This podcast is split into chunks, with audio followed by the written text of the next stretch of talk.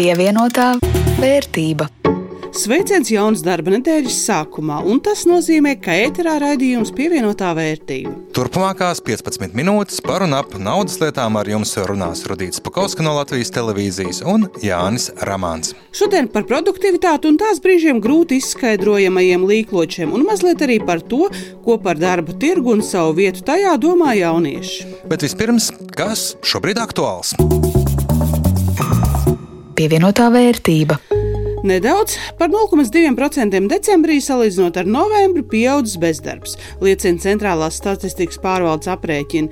Gada griezumā bezdarbs palicis nemainīgs. Bezdarba decembrī ir 5,4% darba spējīgo un ekonomiski aktīvo sieviešu, vīriešu tādu ir vairāk - 7,9%. Bet lauksainiekiem jauns, nu un mazliet neierasts atbalsts. No šodienas var pieteikties ekspertu komandas palīdzībai, kuri sagatavos plānu krīzes pārvarēšanai.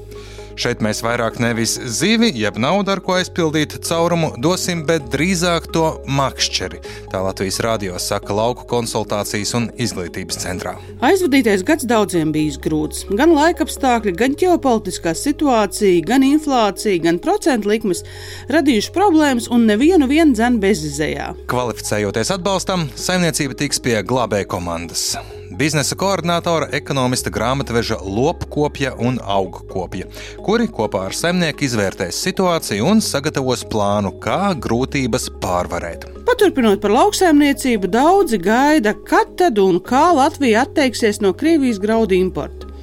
Ir, protams, uzņēmumi, kuri jau to dara un apzinās, ka viņu lēmums nozīmē mazāku peļņu, bet ir tādi, kuri tā arī nespēja no atteikties.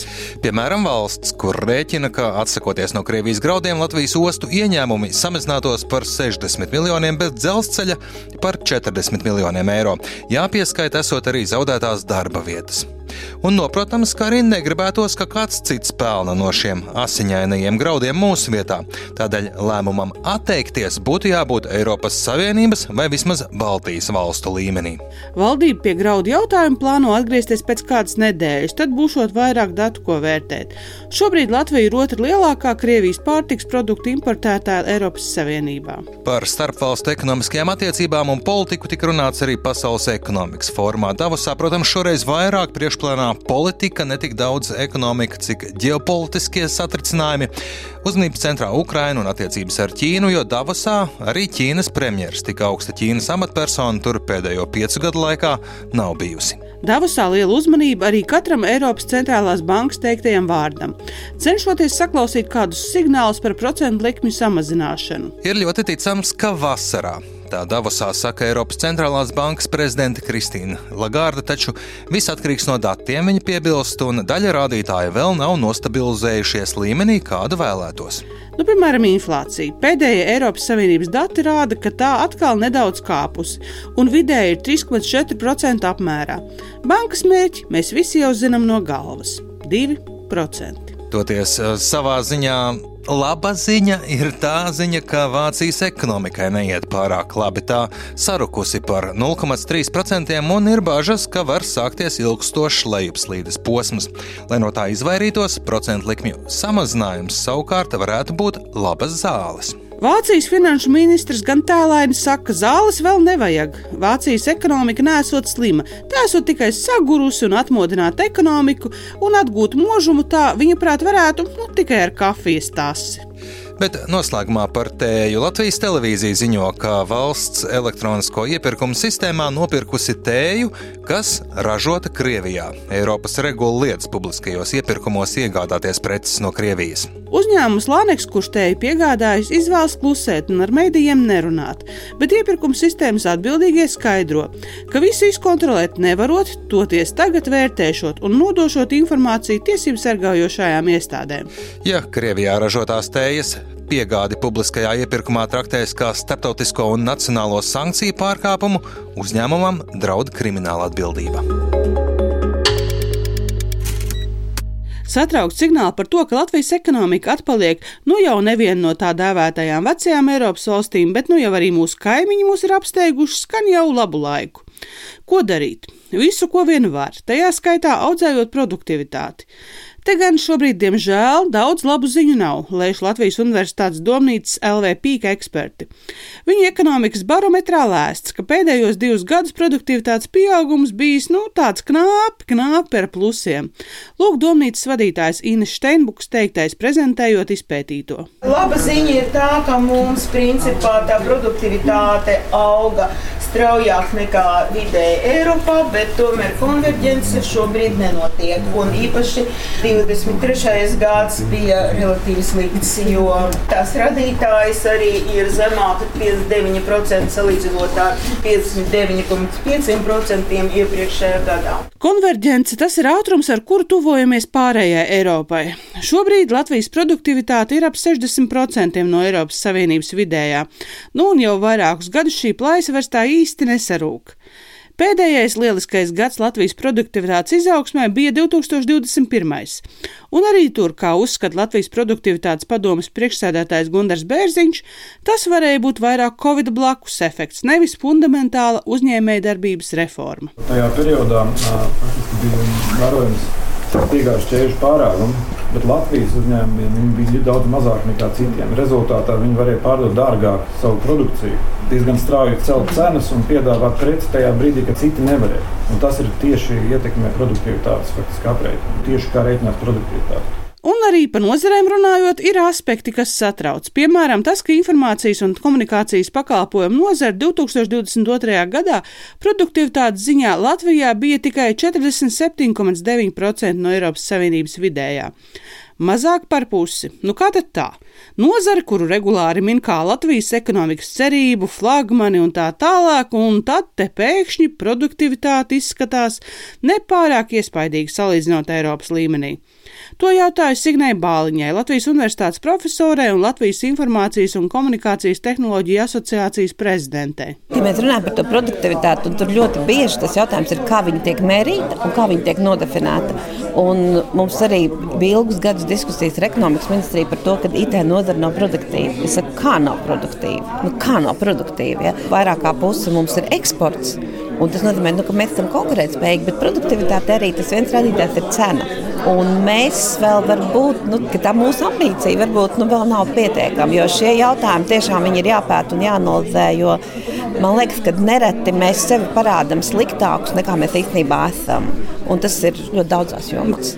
Bet kas tad īsti ir Latvijas produktivitātes lielākā problēma? Tas, ka nespējam pārdot saržoto par augstām cenām, vai varbūt tas, ka demogrāfiskās situācijas rezultātā darba algas pret vērtību, ko spējam radīt, ir pārāk lielas? Nu, neviens ne otrs nav galvenais vai vienīgais vaininieks. Mēs vienkārši lielākoties ražojam lietas, kurām nav liela pievienotā vērtība. Tā man saka profesora Ina Steinbuka. Mēs nevaram saražot un pārdot dārgi, tāpēc ka mums nav pietiekoši lielas nišas citas pasaules uh, tirgos. Un mēs ražojam produkciju, kurai nav lielas pievienotas vērtības. Es nesaku, es negribu vispārināt. Protams, ka Latvijā tiek ražoti dažādi produkti, dažādas preces un dažādi pakalpojumi. Un pamazām pieaug to preču un pakalpojumu daļa ar augstāku pievienotu vērtību. Piemēram, pie mums strauji aug informācijas tehnoloģijas nozares pakalpojumi. Tas ir labi. Bet jebkurā gadījumā tā masa galvenā masa. Tomēr tas ir par produkciju, kura nu, tā pievienota vērtība nav liela. Un tas nozīmē, ka Latvijas ekonomikā izmaiņām būtu jābūt plašākām nekā tikai vien fasādes uzlabošana, saka Steinbuka. Redziet, seju nevar tik vienkārši izmainīt. Ja mēs gribam mainīt seju,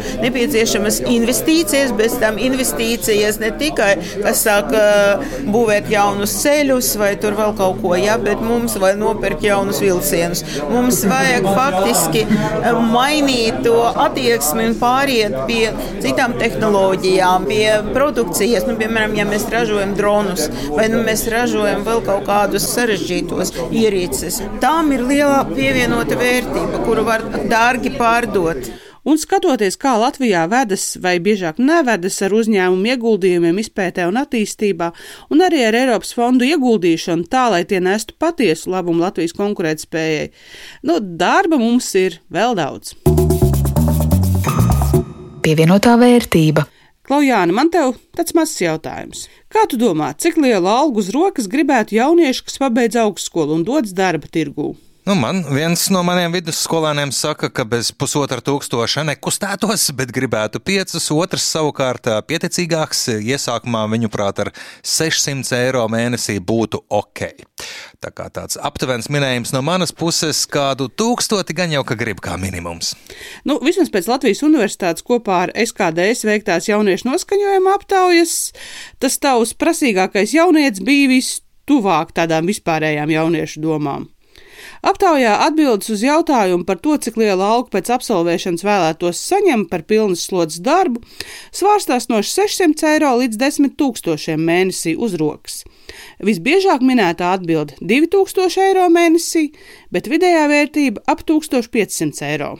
Tā, protams, nav neiespējami liela alga, bet tik un tā noteikti uzņēmējiem būtu nopietni jāpadomā, vai tāds jaunais darbinieks tiešām šādu summu atpelnīs. Jā, par to, ka uzņēmiem būs nopietni jāpadomā, vai darbinieks tiešām būs tik vērts, cik vēlētos saņemt jaunie darbinieki, uzsver arī Latvijas produktivitātes padomas priekšsēdētājs profesors Gundars Bērziņš. Lai mēs saprastu, ka nozīmē 2000, tas ir apmēram 50 tūkstoši eiro gadā šim jaunotim ir jāatnes uzņēmumam, lai viņš varētu reāli strādāt. Tas ir 50 tūkstoši ieņēmumu jābūt uzņēmumam, lai viņš būtu pa nulli ar visiem nodokļiem. Tas nozīmē, kādai produktivitātei ir jābūt šajās biznesa modeļiem, šajās darba vietās, lai jaunieši justos apmierināti.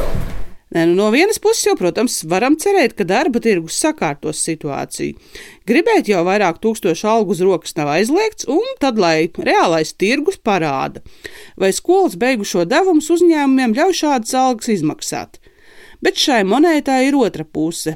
Bez cerībām saņemt kāroto vai plānoto algu, jaunieši var vienkārši doties projām no Latvijas. Ja viņi nevarēs dabūt šo darbu šādām atalgojumiem šeit, bet viņi viņu gaida, iespējams, ka viņi aizbrauks prom arī pie.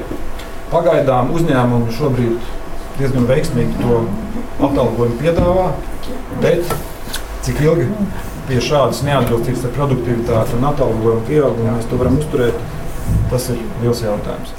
Jā, bet baidos, ka tur bez iespējams uh, sāpīgas cerību korekcijas, sauksim to tā, neiztikt. Vidējā neto alga Latvijā pērnā gada 3. ceturksnī bija 1126 eiro mēnesī, un tas ir stipri mazāk par jauniešu aptaujā nosauktajiem skaitļiem. Jā, aptaujā gan prasīts, kādu algu vēlētos saņemt, nevis kādu reāli plāno vai bez kādas algas pat neapsvers strādāt. Tomēr tik un tā Latvijā vidējā mēneša alga uz rokas, un tā ir vidējā, kas nozīmē, ka liela daļa strādājošo uz rokas mēnesī saņem vēl krietni mazāk. Neapmierinātu gandrīz divas trešdaļas no šā brīža studentiem un skolēniem pievienotā vērtība. Bet kāda aizvadītā nedēļa bijusi Baltijas biržās, ja pavisam īsti, tad nu, kā nu kuram? Jā, laba nedēļa Rīgas biržā. Tur teju 2% plusā. Viļņā var teikt negatīvā nulle, maz mazītiņš kritums par 0,03%, bet Tallinā netik veiksmīga pērnā nedēļa, tur pusprocents mīnusā. Manā portfelī arī tāds, nu, ar palielināmo stiklu meklējams pieaugums, bet nu ir. Šobrīd mana Baltijas biržās kotēto uzņēmumu akciju vērtība ir 459,29 eiro.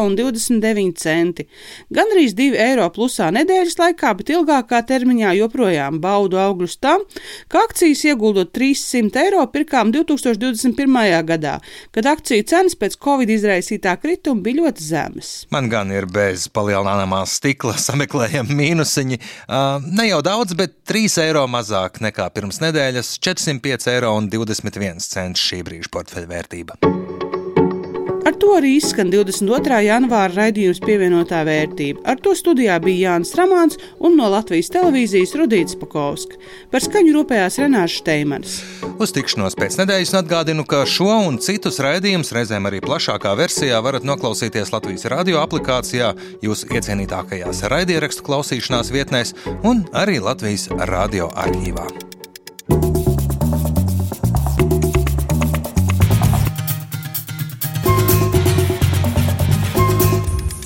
Pievienotā vērtība.